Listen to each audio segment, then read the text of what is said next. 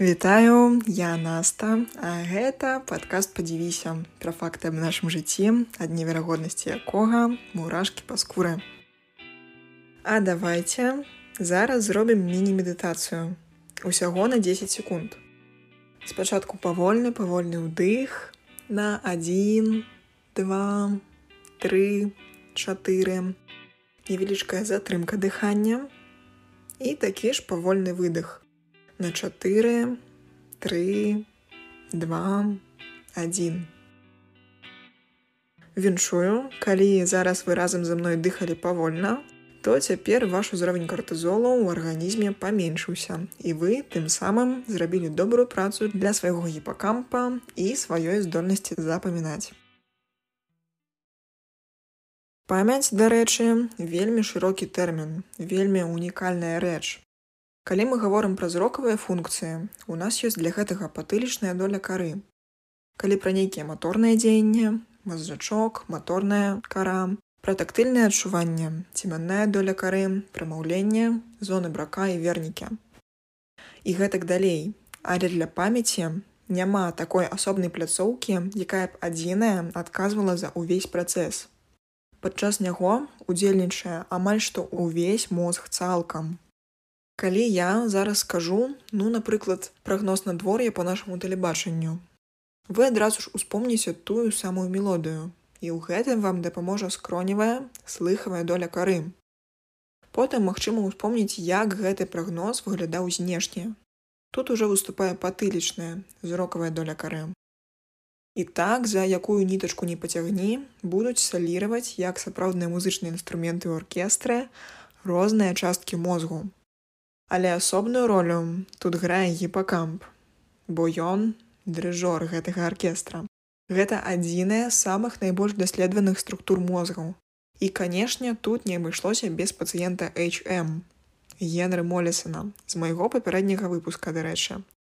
Ён страціў свой гіпакамп, а разам з ім і здольнасць рабіць новыя дэкларатыўныя ўспаміны і потым усё астатняе жыццё жыў побач з навукоўцамі, робячы тым самым магчымымі вялізныя колькасці розных даследаванняў. Вось так цікава атрымалася, што чалавек без гіпакампа лепей за ўсіх астатніх даў магчымасць дазнацца пра функцыі гэтай часткі мозгу. Але, акрамя дырыжора гіпакампа, ёсць яго дапаможніца, так званая энтэрынальная кара, Гэтая частка мозгу дасылае гіпакампу амаль усю інфармацыю, якую трэба запомніць. Калі рабіць нейкі ланцуг, то спачатку актывіруюцца зрокавая ці маторная ці слыхавыя зоны кары. Потым інфармацыя ад іх збіраецца ў энтэрынальнай карэ і толькі потым ідзе ў гіпакамп. То бок калі мы скапіруем стан інтэрнальнай кары на любы канкрэтны момант, то так увогуле магчыма атрымаць гатовы ўспамін складзены з вялікай колькасці розных пачуццяў. Ды на што тады патрэбны гіпакамп? Чаму інтэрнальная кара няздольная сама займацца стварэннем новых успамінаў? Справа тут у асабістасці гіпакампа у параўнанні з карой. Як для інтэрнальнай кары, так і для гіпакампа характэрная сінаптычная пластычнасць. Моц сінапсаў, то бок сувязей паміж нейронамі змяняецца з цягам часу ў залежнасці ад актыўнасці гэтых нейронаў. Чым мацнейшая сувязь паміж нейронамі, тым хутчэй здзяйсняецца ўспамін. Але ў карэ гэтая запамінаючая змена ў сінапсах сапраўды павольная. У той жа час у гіпакампе яны могуць рабіцца ў разы хутчэй. Увогуле, аніякіх перашкод для запамінання толькі карой няма. Але ўся справа, як вы пэўна ўжо здагадаліся, будзе ў хуткасці. Патрэбнае шмат шмат шматразовае паўтаранне аднаго і таго ж, каб адбылося запамінанне. І калі карэ для гэтага патрэбныя такія ж шмат шмат шматразовыя аднолькія знешнія стымулы, то гіпакамп іх здольны рабіць унутры сябе самастойна. Бо ў гіпакамп убудаваны механізм шматразовага паўтарэння сігнала, і называецца ён аўтаасацыятыўнай пятлёй.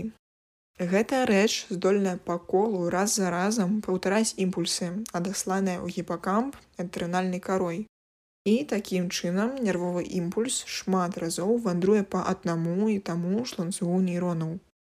А гэтае шматразовае вандраванне і выклікае ўзмацненне сінапсаў, што і суадносіцца з запамінаннем.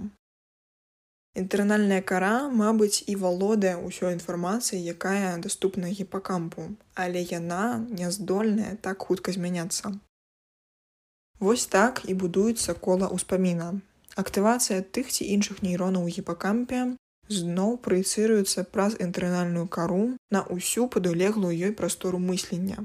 Усе выявы, гукі, пахі, звязаныя з памяццю ў адно агульнае, узбуджаюць свае рэцэптары. Вось якая прыгажосць. Так наколькі ж дакладная, наколькі праўдзівыя нашы ўспаміны, Гэта залежыць ад таго, аб якім тыпе памяці ідзе гаворка. Пачаць трэба з таго, што памяць магчыма падзяліць на доўгачасовую і кароткачасовую, то бок для доўгага захоўвання інфармацыі і для нядоўга карыстання.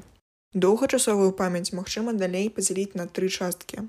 Першая семантычная памяць. Гэта ўсе факты, даты, дні народзінаў, адраса 5 на 525. Гэты тып памяці даволі дакладны. Калі вы аднойчы вывучылі табліцу множання на 5, то забыць вы яе, канешне, калі-небудзь ды зможаце, але вось мяняць вынікі месцамі, ну наўрад ці. Тут працуе правіла, што калі вы ўжо штосьці памятаеце, то памятаеце гэта дакладна. Наступны тып памяці цяглічная памяць. Яна, як і семантычная, на ўвесь час застаецца стабільнай. Калі вы аднойчы навучыліся катацца на ровары ці трымаць аловак ці хадзіць, вы наўрад ці гэта будзеце здольныя забыць ці без спецыяльных намаганняў рабіць па-іншаму. А вось трэці тып памяці эпізадычная памяць крыху адрозніваецца ад папярэдніх. Гэта нейкія эпізоды, нейкія маленечкія фільмы з нашага жыцця. Вось тут ужо ні аб якай дакладнасці і не ідзе гаворкі, бо кожны раз, калі вы штосьці такое ўспамінаеце, ваш мозг крыху гэтую гісторыю змяняе. Зменьвацца могуць нейкія маленькія факты, як, напрыклад, колер машыны, на якой у той дзень прыехаў сябар, колькасць незнаёмых людзей побач, нашыя эмоцыі падчас той ці іншай сітуацыі. Нават калі ў нас ёсць агульныя з кімсьці ўспаміны, гутарычы аб той сітуацыі з тым чалавекам, мы будзем дадаваць у наш варыянт гісторыі нейкія маленькія факты з гутаркі, якіх у нас дагэтуль не было. І адбывацца гэта ўсё будзе без наўпростага удзелу нашай свядомасці. Мы нават не заўважаем, што кожны раз, калі ўспамінаем, змяняем нейкія маленькія рэчы. Вось і атрымліваецца, што чым часцей мы штосьці ўспамінаем, тым дужэй яно робіцца. Але з кожным новым успамінам ёсць патэнцыял для маленькай змены. Кожнае згадванне можа крыху змяніць успамін, а найдужэйшыя ўспаміны не заўсёды старэйшыя, але тыя, якія згадваліся найбольшую колькасць разоў. Ну і чым мацней сувязь паміж нейронамі, тым хутчэй адбываецца працэс успаміну. Яшчэ адзін тып памяці перспектыўная памяць. Гэта ўсе нашыя планы, не забыцца на тое, каб купіць малако, вынесці смецця, напісаць сяброўцы. І гэта тое, што мы заўсёды забываем. Гэта, напэўна, самы ненадзейны тып памяці. Але ўсё ж такі забываць гэта натуральная частка знаходжання ў чалавечым целе. Канешне, ёсць і клінічныя выпадкі, напрыклад, пры ПТСР посттраўматычным стрэсавым разладзе, часта бачна змяншэнне гіпакампа менавіта з-за хранічнага стрэса. Таму нездарма мы з вами павольна дыхалі некалькі хвілін таму. Дарэчы, з хваробай альцгеймера адбываюцца прыкладна такія ж працэсы. Дай увогуле увесь стрэс не самым лепшым чынам паўплывае на стан як гіпакампа, так і мозга цалкам. Ды і больш за тое, гіпакамп сам па сабе змяншаецца на 5соткаў кожную дэкаду жыцця.